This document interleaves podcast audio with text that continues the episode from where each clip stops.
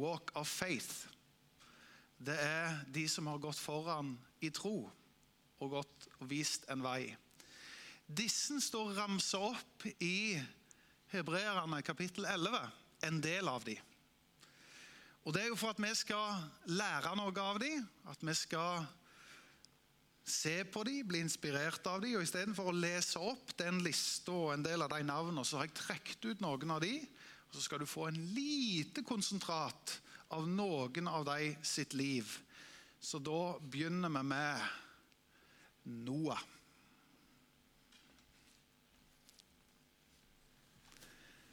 Mitt navn er Noah.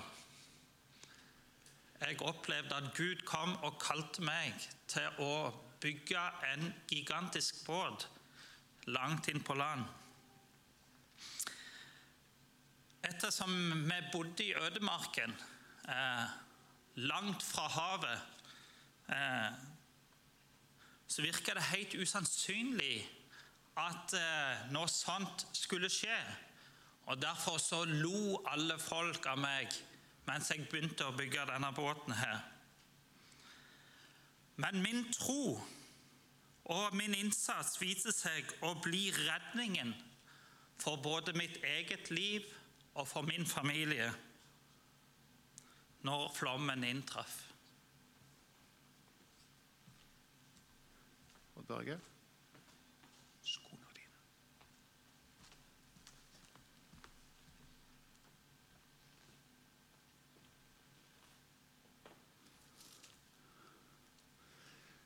Abraham og Sara.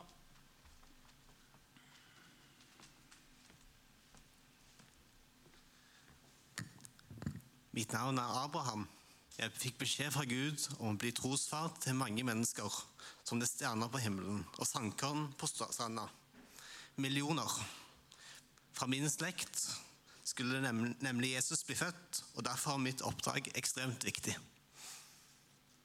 Mitt navn er Sara. Vi var unge eh, når vi fikk vite av Gud at vi skulle få vår første sønn. Men det var vanskelig å tro Guds hilsen da vi satt der og var nesten 100 år gamle. Men vi sa ja. Vi trodde, og vi var tålmodige, selv om jeg var ufruktbar. Gud holdt sitt løfte, og vi fikk vår sønn som, første, som førte slekten videre.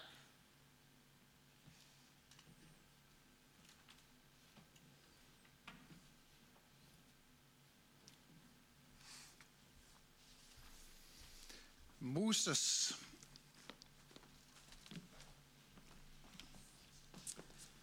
Hei, jeg er Moses. Jeg fikk en hilsen fra Gud, og den var sånn Folket mitt har det ikke bra som slaver i Egypt. Først så, og De trenger deg for å redde dem. Først så stritta jeg imot, for det var mange grunner til at Gud ikke kunne bruke meg. Men Gud hadde tro på meg. Han kunne bruke meg, så jeg sa ja. På en merkelig måte så fikk jeg innpass hos farao, den øverste sjefen i Egypt. Og etter hvert så lot han, lot han folket få slippe fri. Og jeg fikk lede dem fram til det landet som Gud hadde lovt dem.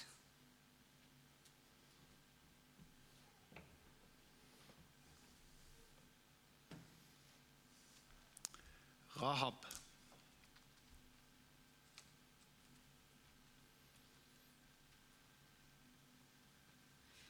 Mitt navn er Rahab. Jeg livnærte meg som prostituert i hjembyen min Jeriko.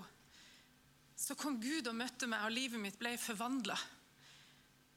Jeg tok mot til meg, og jeg gjemte speiderne som Josva hadde sendt til det landet som Gud hadde gitt folket sitt. Og på den måten fikk jeg være med å skape historie.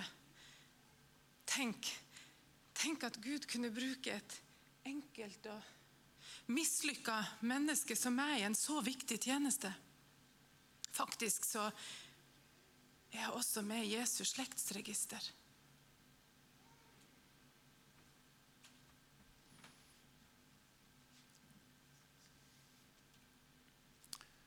Maria.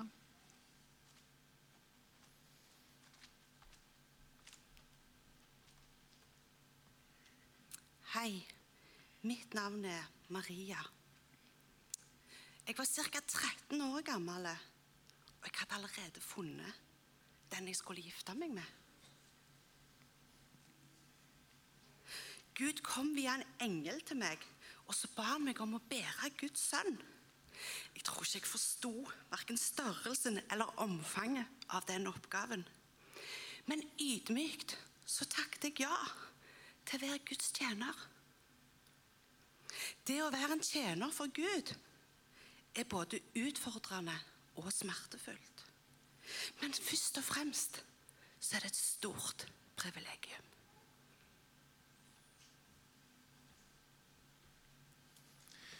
Dette er en liten knippe generasjoner som sørga for at det skulle skje som Gud hadde sagt. En frelser skal fødes. Så har det kommet generasjoner etterpå som har vært opptatt av ikke at først og fremst frelseren skal komme, men at vi skal gi han videre, for at han så skal få lov å komme igjen for andre gang. Peter.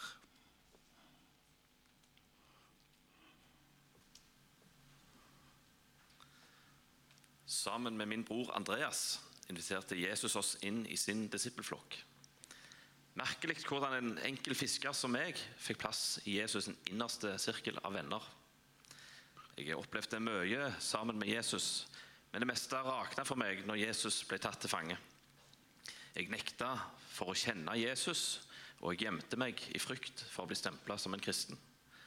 Men til tross for mitt nederlag sa Jesus at han trodde på meg, og at jeg skulle bli en av de som fikk starta den første kirka. Jeg via mitt liv til å fortelle om Jesus og angra aldri det, til tross for at det kosta meg livet. Vi går til nyere tid. Catherine William Booth.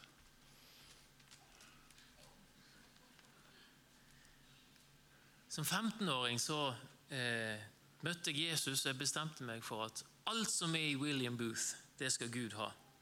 Og Allerede i tenårene så flyttet jeg til London, til storbyen. Jeg tok meg jobb. Men all fritid brukte jeg på å forkynne evangeliet. Jeg hadde store friluftsmøter i London i gatene allerede i 20-årene. Og det var på denne tida jeg traff hun som skulle bli kona mi, Catherine. Og vi fikk et veldig hjerte for og inngang blant de kriminelle, blant uteliggere, prostituerte og fattige. Vi kjente kallet til å gi dem både suppe, såpe og frelse. Det var tusenvis som ble berørt, og vi starta etter hvert Frelsesarmeen. Vi vier livet til å hjelpe mennesker og til å forkynne om Jesus. Fra vår død hadde Frelsesarmeen fått 100 menigheter i England, og arbeidet hadde etter hvert spredt seg til ca. 100 land.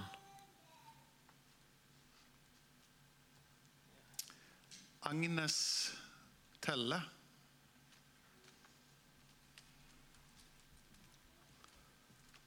Jeg ble født i Kristiansand på slutten av 1800-tallet, og som mange andre så fikk jeg en kraftig berøring av Den hellige ånd i starten av 1900-tallet. Og Sammen med min venninne Dagmar så ble vi utsendt til fem ulike land i Europa. Danmark, Tyskland, Sveits, England og Skottland. Og I seks måneder så reiste vi rundt og opplevde stor vekkelse. Vi var med å bringe pinsevekkelse til disse land. Og etter hvert, i 1910, så ble vi utsendt til Norges første misjonærer i Banda i India. Her ble jeg i 40 år og fikk hjulpet mange mennesker til tro, til helse og med mat. Vi spoler stadig framover. Margit Svendsen. Allerede før krigen så var vi noen pinsevenner som samles her på Hummersåk. Men, men, det ble ikke noen menighet av det. Men Gud han la på hjertet mitt at jeg skulle be om at det skulle komme en pinsemenighet her på, i bygda. Jeg ba stadig og ofte om dette i flere tiår før det endelig begynte å skje noe i ca. 1982.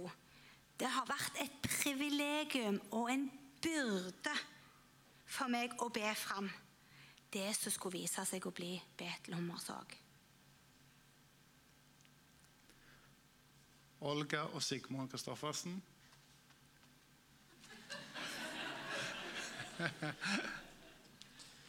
Mitt navn er Sigmund. Mitt navn er Olga. Vi flytta til Hommersåk i 1976. Og jeg var aktiv i Klippen eh, Sandnes. Vårt første fremstøt på Hommersåk var i 1982. Teltmøter og søndagsskole eh, var det vi starta opp med. Og Det var i hjemmet, og etter hvert så ble det etablert menighet. Betel ble etablert i 1990 og har nå i 30 år prøvd å gi Jesus til hummersåk.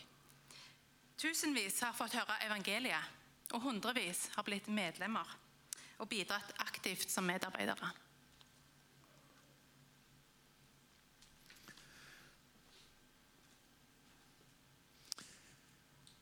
Nå var jeg litt usikker på om de skulle ta av seg skoene eller ikke. fordi at Olga og Sigmund de er fortsatt her, men de andre her de har gått foran. Og Bibelen sier noe om at de som går foran, legg merke til deres ferd.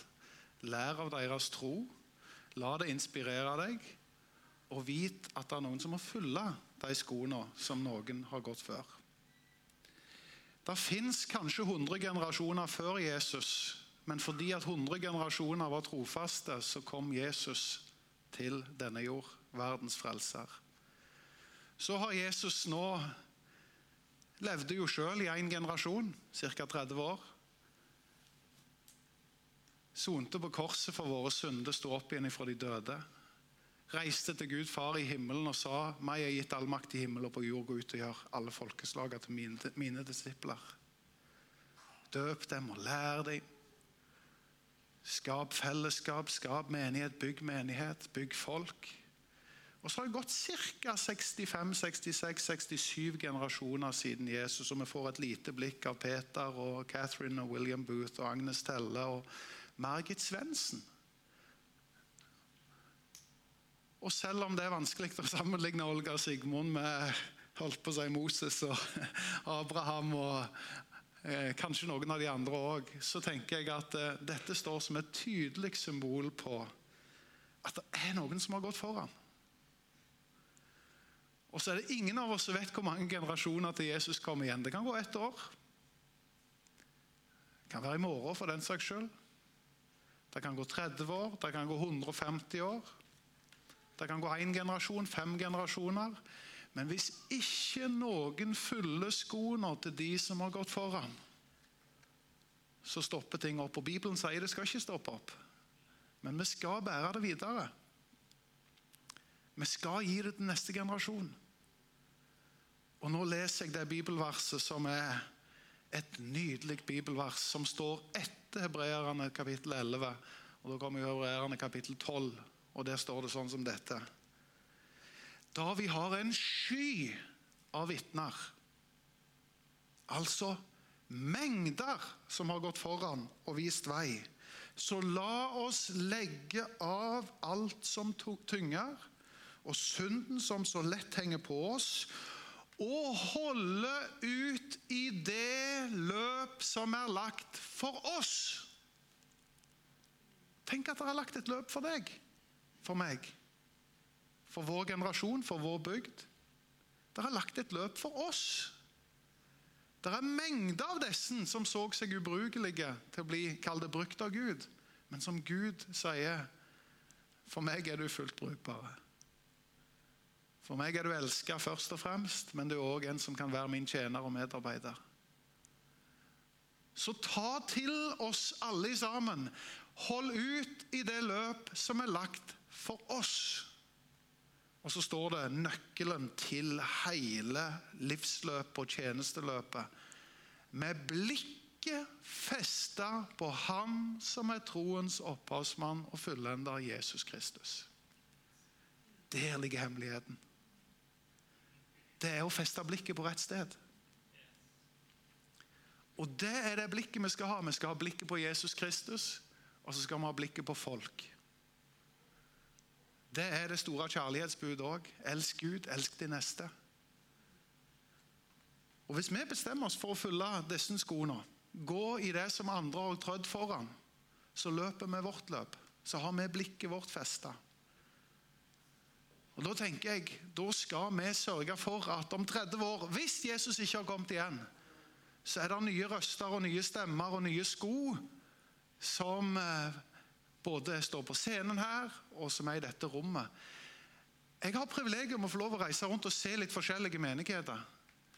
Og det er trist å se at de fleste roper og ber og skriker etter unge mennesker som de kan komme i berøring med, fordi at det er helt skrelt for unge mennesker i menigheten. Mange som er villige til å tjene og gjøre noe og be og stå på, men de mangler folka. I Betel er det motsatt. Vi har massevis av folk som kommer på dørene, som står og banker på, som vil inn. Sånn at når antennene åpner, så er de klar. Søndagsskole osv. Unge mennesker som er i berøring med.